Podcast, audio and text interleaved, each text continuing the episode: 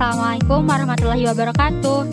Selamat datang di Obsesi Obrolan Santai seputar keilmuan. Nah sebelumnya, kenalin dulu nih, aku Anisatul Insani Pratama dari Ilmu Pemerintahan 2019. Nah mungkin langsung aja kali ya, karena mungkin kalian juga udah penasaran banget nih, sebenarnya obsesi itu apa dan ngapain aja sih? Nah, jadi obsesi itu adalah sebuah acara atau konten yang diadakan oleh Direktorat Keilmuan dan Keprofesian. Di sini tuh kita bakal ngobrol santai-santai tentang seputar keilmuan, akademik, prestasi, eh, kejuaraan-kejuaraan yang kayak yang kayak gitulah pokoknya. Dan kita juga pastinya bakal eh, menghadirkan atau mengundang salah seorang narasumber yang punya bakat dan juga prestasi di bidang yang ia tekuni. Nah, mungkin uh, karena ini adalah obsesi kita yang pertama, jadi kita udah ngundang salah seorang pembicara yang bener-bener hebat banget lah pokoknya dia tuh keren banget karena punya banyak prestasi dan juga sering juara-juara di uh, bidang yang ia tekuni saat ini. Nah, mungkin sebagian dari prestasinya itu adalah dia pernah juara dua debat nasional pelangi komunikasi debat competition, juga juara satu Rafflesia Debat Competition 2021, dan yang paling baru banget nih, dia juara tiga eh, lomba debat nasional di Pekan Ilmiah FISIP 2021. Mungkin eh, setelah aku sebutin prestasi-prestasinya dia, udah kedeb udah ketebakan dia itu uh, punya uh, prestasi dan juga bakat di bidang debat. Oleh karena itu, langsung aja kali ya kita sambut uh, pembicara atau narasumber kita di obsesi pertama kita, yaitu Kang Gigi Alfatdidi dari Ilmu Pemerintahan 2019. Halo Kang Gigi. Halo Anissa dan teman-teman. Gimana nih Kang Gigi kabarnya? Baik. Alhamdulillah sehat, baik. Iya. uh, jadi nih uh, Kang Gigi, uh, langsung aja kali ya.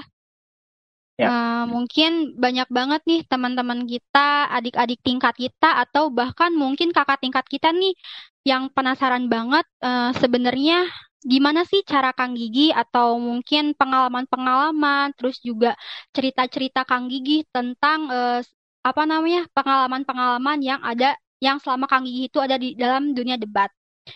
Mungkin hal yang pertama aku mau tanyain nih ke Kang Gigi, kira-kira sejak kapan sih Kang Gigi itu mulai belajar debat dan juga punya motivasi dari mana sih awalnya gitu. Sampai-sampai Kang Gigi itu ah seneng banget gitu uh, mempelajari bidang debat ini Kang Gigi. Oke. Okay. Uh, eh, ini pertanyaan yang paling sering ditanyain ya untuk seorang debater. Dari yeah. kapan dia belajar dan kapan dia mulai. Kalau aku sendiri itu mul udah mulai belajar, udah mulai menekuni debat itu debat kompetisi ya itu sejak sejak aku SMA kelas 1 itu uh, aku ikut salah satu kompetisi di di Kota Padang waktu itu. Kemudian kalah sih waktu itu waktu pertama kali tapi uh, aku merasa itu cocok dengan aku dan akhirnya aku terus melanjutkan karir debat aku. Kemudian uh, seiring berjalan waktu aku tentu harus terus berlatih, bisa berlatih. Aku biasa berlatih pribadi. Kemudian ada juga yang aku berlatih sama coach atau dengan teman-teman aku. Jadi uh, overall uh, ya sejak SM sejak SMA terus sampai sekarang aku terus berlatih sih karena aku juga juga bukan yang terbaik di debat mungkin masih yeah. banyak yang lebih baik. Uh, jadi aku terus berlatih sampai sekarang. Ya, terus nih kan Kang Gigi itu udah mulai belajar debat sejak kelas 1 SMA kan ya? ya. Nah itu uh, motivasi awalnya apa sih sampai Kang Gigi itu tertarik gitu buat belajar debat?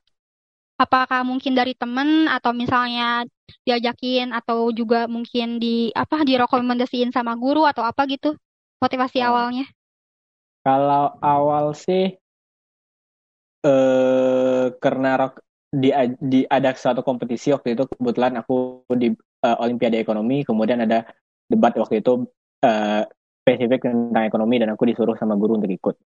Yeah. Kemudian oh. uh, itu awalnya aku tertarik di debat, uh, ikut dalam kompetisi debat. Tapi sebenarnya sejak dulu juga aku emang udah punya interest di bidang sosial politik, di bidang uh, dan hal-hal mungkin berbau berpikir di situ aku udah udah suka dari dulu gitu dan ada momentum uh, yang ngajak dan akhirnya aku ikut uh, ya ikut mengambil bagian dan terjun di bidang debat dan nganterin aku sampai ya, sekarang. Pas banget berarti ya uh, karena ada minat juga terus ada uh, seorang pengantar yang bisa nganterin Kang Gigi sampai saat ini kali ya di bidang debat. Kayak gitu mungkin ya. Betul. Nah, terus ya. uh, mungkin Kang Gigi itu kan udah punya apa namanya? Udah punya keinginan dan juga ketertarikan kan di bidang debat. Terus kira-kira tuh uh, persiapan awalnya tuh apa aja sih? Misalnya kayak yang harus uh, dipelajari, ditingkatin, terus hal-hal uh, yang mungkin uh, perlu Kang Gigi pelajarin lebih dalam lagi gitu mulai dari nol itu kira-kira persiapan dan uh, hal yang harus dipelajarinya apa aja Kang Gigi? Oh ya, kalau dari aku sendiri mungkin kalau teman-teman ingin belajar debat dari mana harus memulai, uh, pertama itu jadi debat itu sebenarnya kalau kita lihat penilaian debat itu ada tiga sebenarnya, meter, method, dan meter, manner, dan method.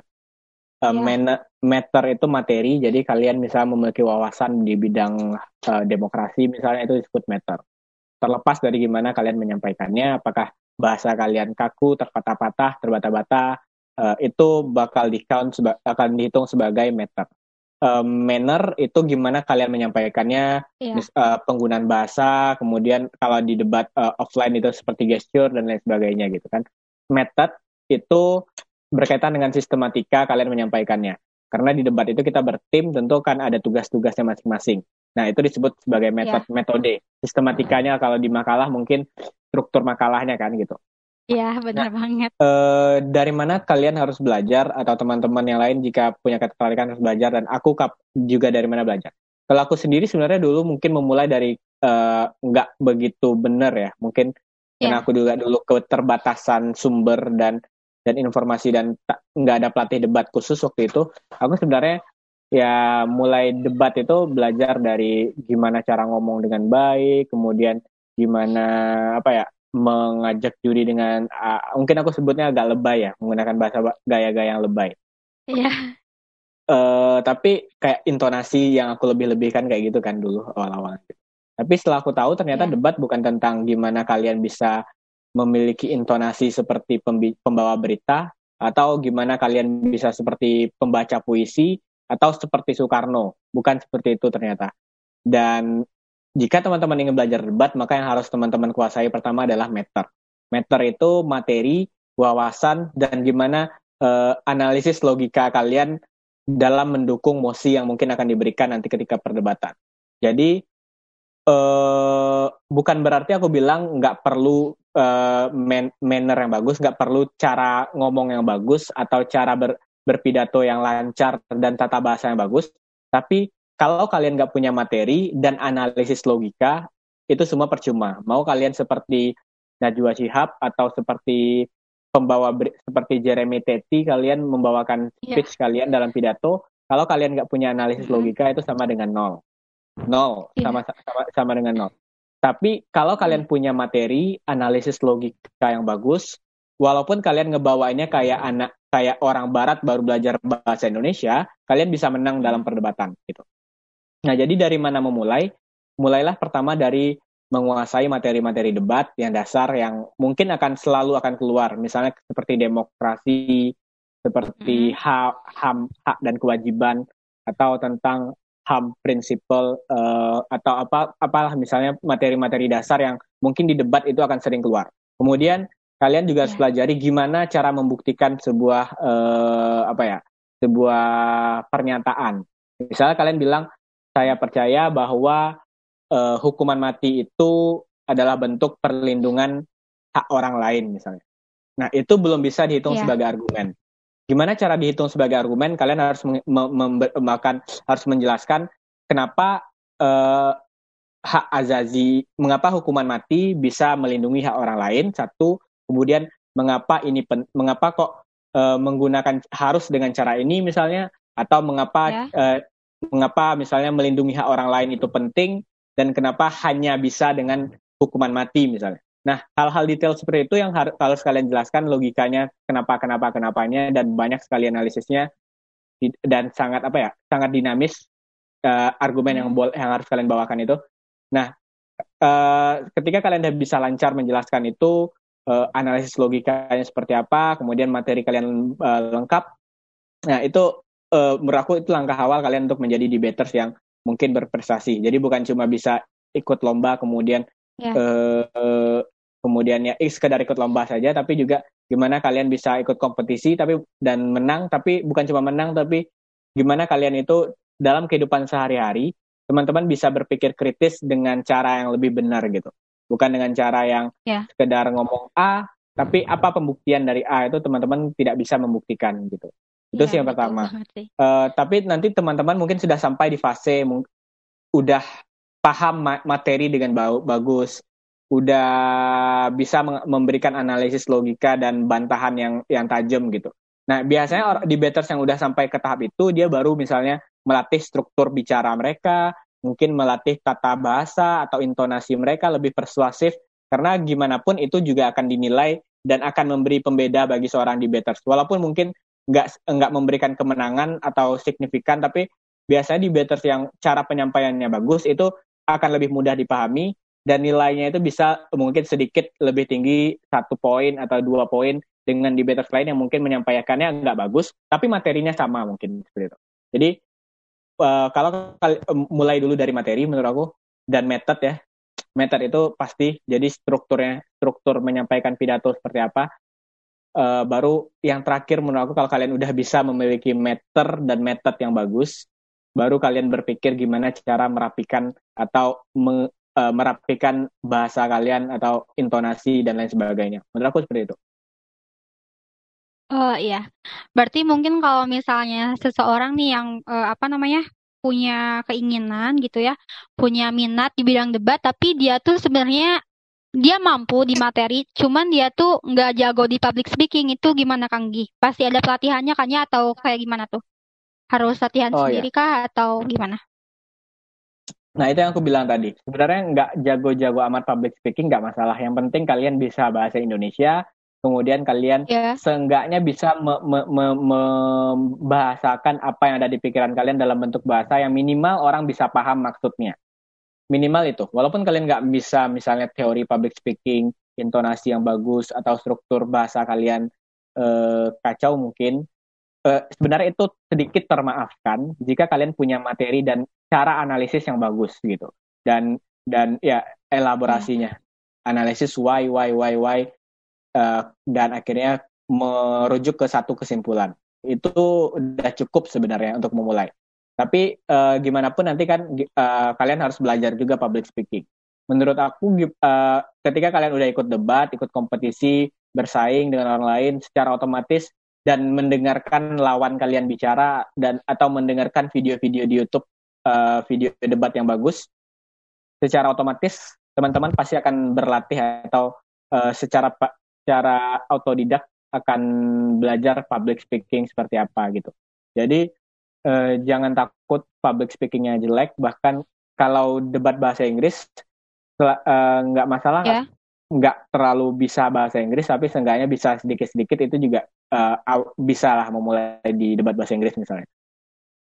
Uh, yeah. Jadi bisa sih dilatih public speaking itu dengan dengan pengalaman minimal. Uh, nggak perlu juga misalnya kalian ikut uh, apa kelas public speaking yang berjuta-juta untuk bisa public speaking yeah. lancar dan dikategorikan sebagai pendebat yang baik. Kalau kalian udah mulai aja gitu di debat, pasti akan apa ya akan bisa secara mandiri dan otodidak uh, akan terbentuk gimana berpidato, gimana menyampaikan argumen, public speaking dan lain sebagainya. Dan aku gitu sih. Nah, uh, mungkin yang aku penasaran nih sebenarnya uh, di debat itu kan suka bertim-tim gitu kan ya, misalnya satu tim tiga orang tuh. Uh, itu ada pelatihnya nggak sih atau misalnya kita uh, memang perlu belajar sendiri-sendiri? Oh, jadi di debat itu kan bertim ya. Uh, biasanya yeah. ada banyak ada banyak kemungkinan dan ada uh, ya apa pun bisa lah. Mm. uh, kalau aku sendiri itu kalau di debat-debat yang biasa aku ya selain KDMI misalnya selain mewakili yeah. nama Unpad uh, sebagai, sebagai delegasi resmi, yeah. itu biasanya ya pasti mandiri. Kalau aku mandiri. Tapi ada juga nggak ada pelatih maksudnya.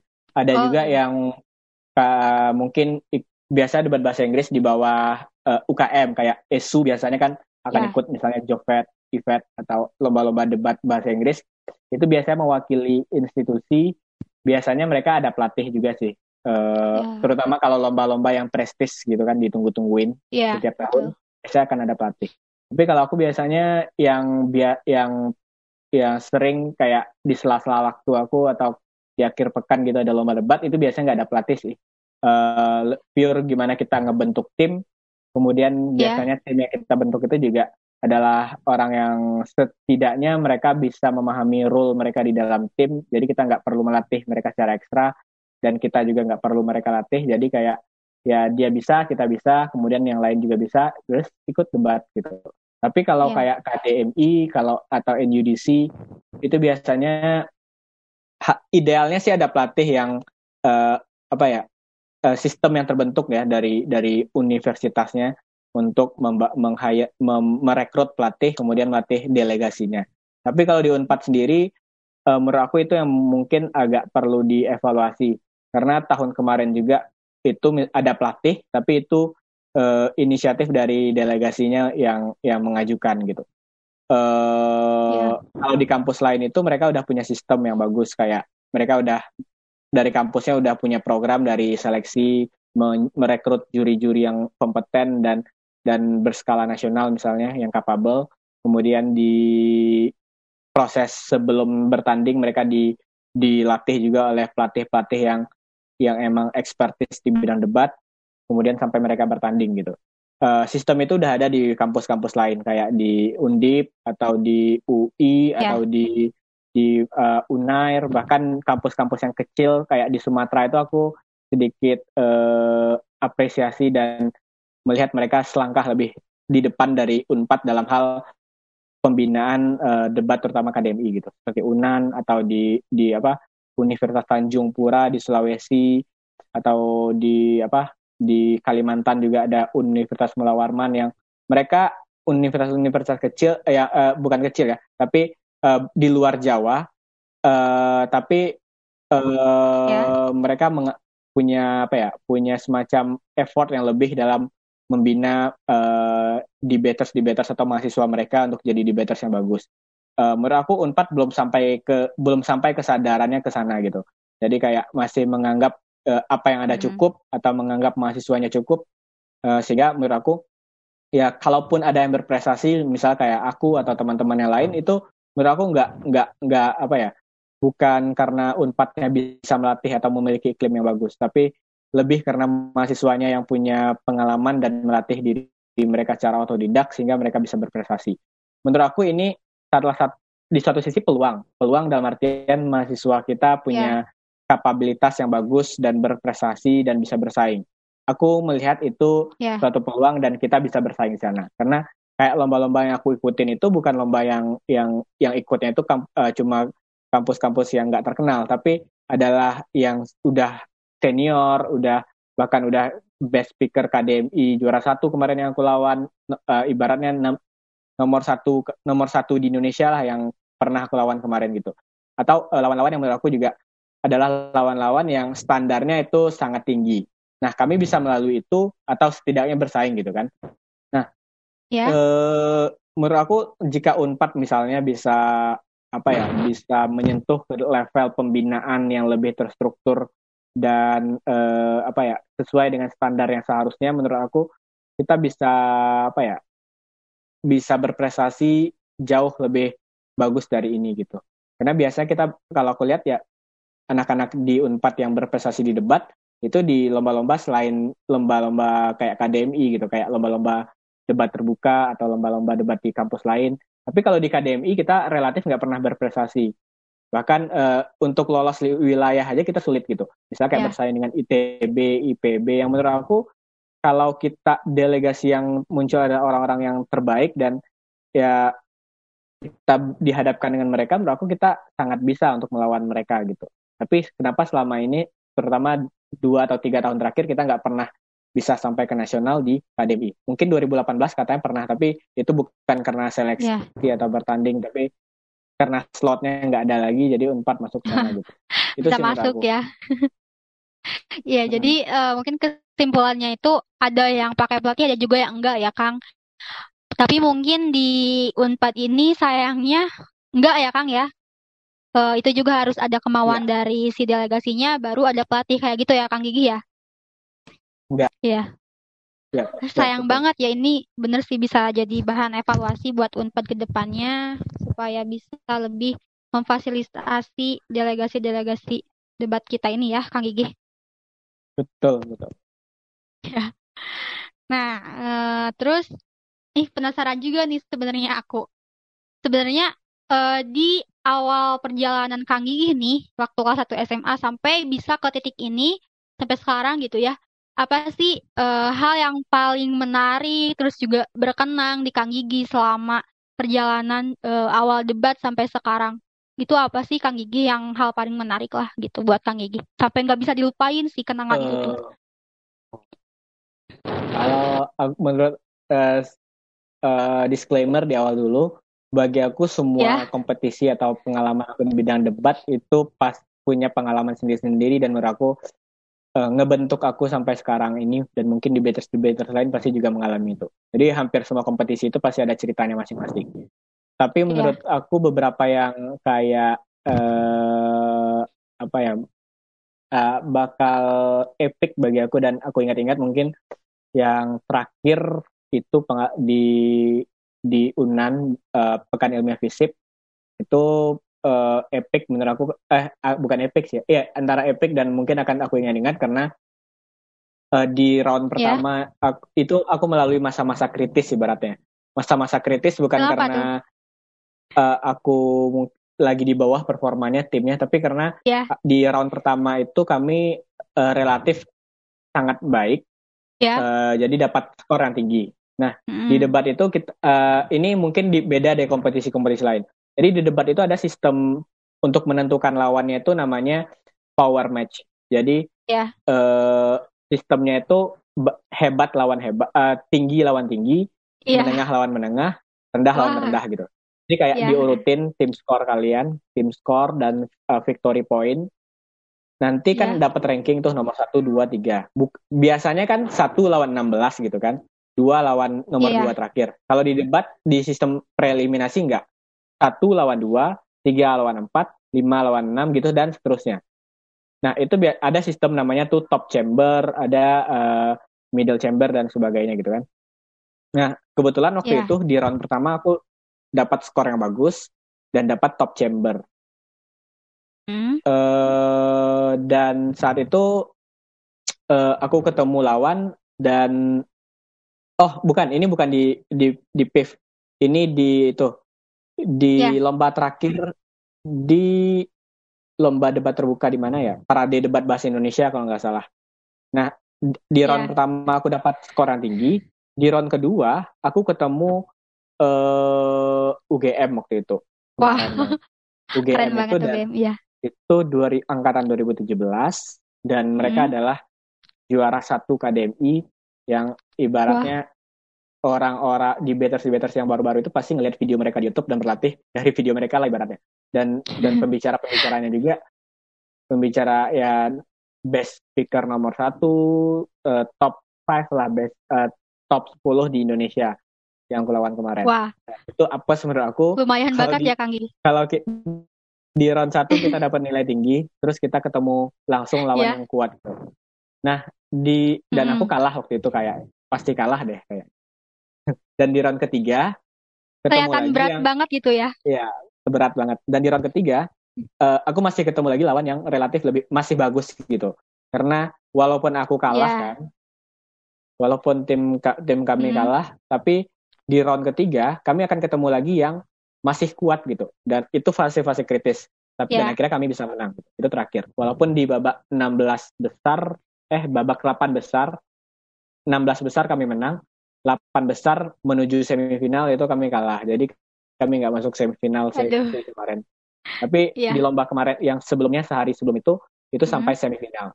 Itu juga yeah. hampir ketemu dengan UGM, hampir ketemu dengan UGM. Tapi untungnya enggak. Tapi ketemunya dengan lawan yang uh, juga udah mahasiswa tua mungkin aku sebut lebih tua yeah.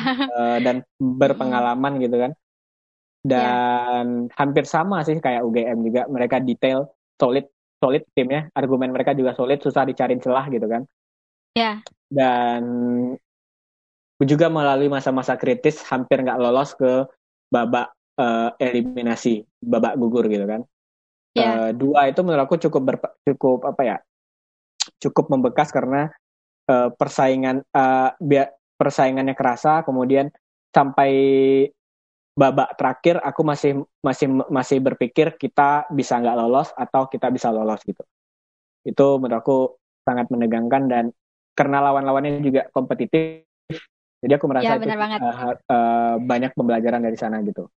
Iya bisa jadi motivasi juga ya Kang Gigi karena ngelihat uh, lawan kita yang wah lebih-lebih dari kita itu berarti nggak menjatuhkan kita tapi justru jadi motivasi buat kita supaya bisa mungkin nanti uh, lebih bagus eh, lebih bagus lagi dari mereka gitu ya Kang Gigi. Betul, betul. Jadi kalau orang si debaters debaters itu pasti punya uh, mungkin sebagian besar punya apa ya persepsi bahwa kalau sebagian orang kan bilang insecure jangan jangan insecure justru insecure, menurut ya. kami insecure itu penting banget untuk membuat kalian nggak berhenti berlatih gitu jadi di satu yeah. sisi kalau kita ketemu lawan yang bagus gitu pasti kita akan insecure dan solusinya kita ngelatih diri supaya bisa seenggaknya mengimbangi mereka gitu.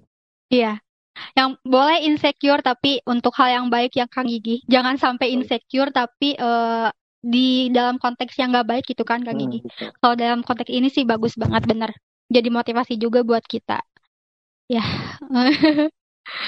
Tadi kan uh, udah cerita-cerita nih tentang hal menarik uh, juga Mungkin uh, pernah nggak sih Kang Gigi? Karena aku tuh ngerasa kayak Kang Gigi tuh enjoy banget gitu ya di uh, belajar debat ini. Tapi pernah nggak sih sekali dua kali gitu Kang Gigi uh, ngerasa bosen gitu, jenuh gitu uh, di dalam uh, apa namanya mempelajari debat ini gitu. Pernah nggak sih Kang Gigi? Terus kalau misalnya pernah tuh gimana sih cara uh, Kang Gigi buat tetap konsisten mempelajari debat gitu? Ya, kalau dibilang jenuhnya sih ada ya uh, kayak ya udah udah capek capek uh, debat capek mikir lebih baik enjoy dalam artian ya yeah. sebagai warga negara biasa lah bukan sebagai orang yang ikut ikut debat gitu Iya. Yeah. Itu pernah dan uh, mungkin sekali nggak sekali dua kali ya. Itu biasanya kalau hmm. udah kayak burn, burnout banyak aktivitas, kemudian uh, ikut kompetisi debat lawannya jago-jago yang kayak sulit persaingannya ya yeah. biasanya biasanya itu kayak ya udahlah uh, istirahat dulu nanti kapan-kapan ikut lagi atau gimana gitu itu biasanya ada yeah. Iya. uh, cara aku mengatasnya lebih ke apa ya uh, tenangin diri sih tenangin diri kemudian lihat-lihat lagi video debat terus bayangkan aku bisa menjadi seperti mereka gitu uh, dan ya ber berapa ya? Bertanding dengan maksimal. Biasanya kalau aku dan tim itu bermain bagus gitu dalam uh, dalam kompetisi debat hmm? dan menang itu bakal jadi motivasi untuk ya besok ikut lagi gitu. Besok ikut lagi. Yeah. biasanya kalau kalau dalam situasi kita kayak uh, di di bawah performanya dan kayak ya jelek banget gitu biasanya kita kayak berhenti yeah. mau eh, udah capek gitu udah lama udah jauh-jauh uh, sampai sini biasanya tapi kalah gitu misalnya ya itu hmm. pasti akan down gitu tapi biasanya yeah. menurut aku masalah waktu sih masalah waktu dan menerima keadaan kemudian gimana teman uh, aku dan tim itu bisa hmm. apa ya recovery kembali emosi dan dan uh, apa ya emosinya dalam debat dan besok bakal ikut lagi, ikut lagi dan ikut lagi. Ya, ya bener banget sih karena kan namanya juga manusia kan ya Kang Gigi. Pasti ada banget nih rasa jenuh, capek, apalagi kan mungkin Kang Gigi nih uh, aktif di organisasi juga kan ya, banyak banget kegiatan-kegiatan ya pantas aja gitu. Sebagai manusia kan pasti uh, punya rasa jenuh dan capek, tapi di balik rasa jenuh dan capek itu pasti kita bakal bangkit lagi ya Kak Kang Gigi. Betul harus gitu. Iya, bener banget nih. Uh, bagus banget nih buat ditiru sama teman-teman kita nih yang tinggal dengerin uh, obrolan kita bahwa uh, rasa jenuh capek itu pasti ada tapi nggak berarti kita harus nyerah dan tetap harus bangkit lagi ya Kang Gigi ya uh, mungkin apalagi ya oh iya nih Kang Gigi kan barusan aku juga udah sempat ngomong nih kalau Kang Gigi itu selain uh, fokus di bidang debat terus juga sering ikut organisasi terus juga di kelas juga aktif kan ya terkenal uh, aktif lah di kelas juga. Terus itu gimana sih cara Kang Gigi buat bisa bagi waktu nih uh, antara ikut debat kayak gitu terus uh, organisasi sama kuliah? Itu kayak gimana sih caranya? Memanage waktunya tuh kayak gimana Kang Gigi? Karena pasti sibuk banget kan gitu ba banyak banget kegiatan-kegiatan yang diikutin sama Kang Gigi ya kalau dari aku sih cara memaksimalkan waktu yang ada itu pertama pasti setiap orang yang membagi bisa manajemen waktu pasti punya skala prioritas kapan harus mengerjakan ini, kapan mengerjakan itu, atau kapan kegiatan A itu prioritas, kapan kegiatan kegiatan B itu yang jadi prioritas. Jadi enggak, menurut aku nggak ada rumus apa yang lebih harus prioritas kayak harus kuliah situasional. Gimana aku bisa membagi waktu itu menurut aku ya paling penting itu uh, kondisi emosional kita yang stabil. Kalau biasa kita udah semangat, kita udah punya apa ya, lagi ya kayak ambis-ambisnya lah gitu kan itu kan kondisi emosional yang menurut aku positif ya, supaya kita bisa maksimal di di organisasi ya. bisa maksimal di kelas dan bisa maksimal mungkin di organisasi di pre, di kegiatan lomba-lomba gitu gimana cara aku bisa membagi waktunya selain skala prioritas nih uh, membuat nyaman dalam uh, kondisi apa pun gitu misalnya ya. dalam banyak tugas atau banyak kewajiban organisasi kalau kita udah bisa dalam kondisi yeah. emosional nyaman kita pasti bisa mengerjakan semuanya gitu ya bener banget sih yang penting itu kita uh, bisa nentuin skala prioritas sama mungkin semangat ya karena kalau misalnya kita enjoy terus semangat uh, ngejalan semua ini pas kayak gitu betul, kali ya. betul. Betul. Iya. Terus nih uh, karena kita udah banyak banget nih ngobrol dari sejak kapan Kang Gigi uh, mulai belajar debat, terus motivasi awal, terus kendala-kendala, pokoknya udah banyak banget uh, cerita tentang pengalaman-pengalaman Kang Gigi kira-kira apa sih yang bisa Kang Gigi sampaikan terus juga uh, motivasi apa yang mau Kang Gigi sampaikan buat teman-teman kita nih? Uh, baik teman-teman kita di dalam pemerintahan adik tingkat kita atau misalnya kakak tingkat kita atau siapa pun lah yang ngedengar kita di sesi kali ini uh, apa sih yang uh, apa motivasi yang Kang Gigi mau berikan kepada mereka gitu. Terutama bagi uh, teman-teman kita yang ada minat di bidang debat Kang Gigi. Oke, uh, pesan dari aku mungkin terakhir untuk teman-teman yang ya apakah itu ingin belajar debat atau cuma ingin tertarik di bidang debat atau ingin terjun langsung di yeah. debat. Pertama paham uh, set goal goal kalian ingin ingin menjadi seperti apa dan yeah. kalau kalian ingin berkarir di bidang debat maka titik apa yang mungkin teman-teman ingin capai. Kalau kalian udah punya goals yang jelas mm. uh, dan rencana yang jelas maka uh, pasti kemauan kalian juga akan jelas di sana gitu. Kemudian selanjutnya uh, pesan dari aku yeah. dari teman-teman uh, apa pun minat dan interest teman-teman uh, apakah itu di bidang debat atau non debat uh, konsisten yeah. di sana selain konsisten mm -hmm. juga uh, harus direview apakah konsistensi kalian tetap harus dipertahankan atau enggak misalnya kalian sekarang konsisten di debat tapi yeah uh, kalian merasa nggak nyaman? Nggak nggak ada yang mewajibkan kalian yeah. untuk terus di bidang debat? Dan kalau ternyata bakat kalian di tempat lain yeah. ya lebih mending teman-teman di tempat lain misalnya. Jadi menurut aku yeah, ya, uh, paham memahami diri sendiri dan dan kon, selain konsisten itu penting. Kemudian yeah. kalau ingin berlatih debat uh, mulailah mulai dulu debatnya. Nanti kalian akan paham sendiri apakah paham di mana kurang kalian paham di mana lebih kalian itu kan semua penting untuk mengembangkan dan mengevaluasi diri ya, dan selain itu kalau uh, pengen bisa bagus-bagus ya dalam artian mening terus meningkat ya setiap setiap kekurangan kalian kalian harus evaluasi dan paham hmm. itu bahwa bahwa itu adalah kekurangan kekurangan. Jadi kadang kita sering nggak paham bahwa itu adalah kekurangan.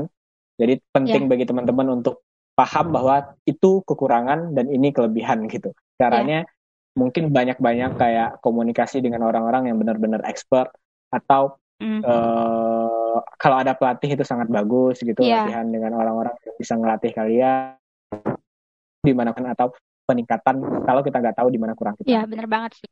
Yang penting kita juga harus tahu apa namanya kelebihan dan kekurangan diri sendiri karena itu juga bisa buat uh, jadi bahan evaluasi kita nih kurang-kurangnya kita jadi bahan evaluasi terus juga kalau kelebihan kita mungkin lebih ditingkatin lagi dan juga dipertahanin kayak gitu ya Kang Gigi ya? Betul betul. Ya. Jadi uh, mungkin sebenarnya ini udah nih uh, udah banyak ngobrol-ngobrol juga sama Kang Gigi jadi teman-teman juga bisa tahu nih uh, se sebenarnya Kang Gigi itu kayak gimana? Perjalanan dari awal sampai sekarang tuh kayak gimana? Terus juga Kang Gigi juga udah ngasih motivasi juga tips and trick uh, belajar debat kayak gimana nih. Mudah-mudahan uh, obsesi di uh, perdana ini bisa bermanfaat ya Kang Gigi bagi teman-teman kita. Bisa ngasih motivasi juga ke teman-teman kita yang ngedengar obsesi di uh, kali ini Kang Gigi gitu. Mungkin udah sih Ya, jadi mungkin obsesi di hari ini cukup sampai di sini aja. Yang aku bisa simpulin dari uh, diskusi ngobrol santai sama Kang Gigi hari ini bahwa uh, selain kita harus tahu nih apa yang jadi minat dan juga bakat kita, kita juga harus tahu tentang uh, kelebihan kekurangan, terus uh, melakukan evaluasi terhadap diri, terus juga kalau misalnya kalian nih uh, ada yang pengen belajar debat atau minat di dalam debat itu nggak harus takut duluan gitu. Karena kalau misalnya kita nggak bisa public speaking uh, yang penting kita harus bisa menguasai materi ya Kang yang kata Kang Gih tadi uh, udah diomongin. Public speaking itu bisa dilatih. Jadi buat teman-teman nih yang uh, pengen atau ada minat di bidang debat bisa banget uh, ngikutin atau ngejadiin tips and trick dan juga motivasi Kang Gih ini diterapin di diri kalian. Mungkin uh, sekian nih dari uh, obsesi hari ini. Makasih banyak juga Kang Gigi karena udah mau nih ngeluangin waktunya. Uh, padahal Kang Gigi mungkin sibuk banget tapi mau dan bersedia nih uh, ngeluangin waktunya untuk bisa jadi narasumber atau pembicara di obsesi kali ini Kang Gigi. Oke, makasih teman-teman. Makasih juga Anissa dan teman-teman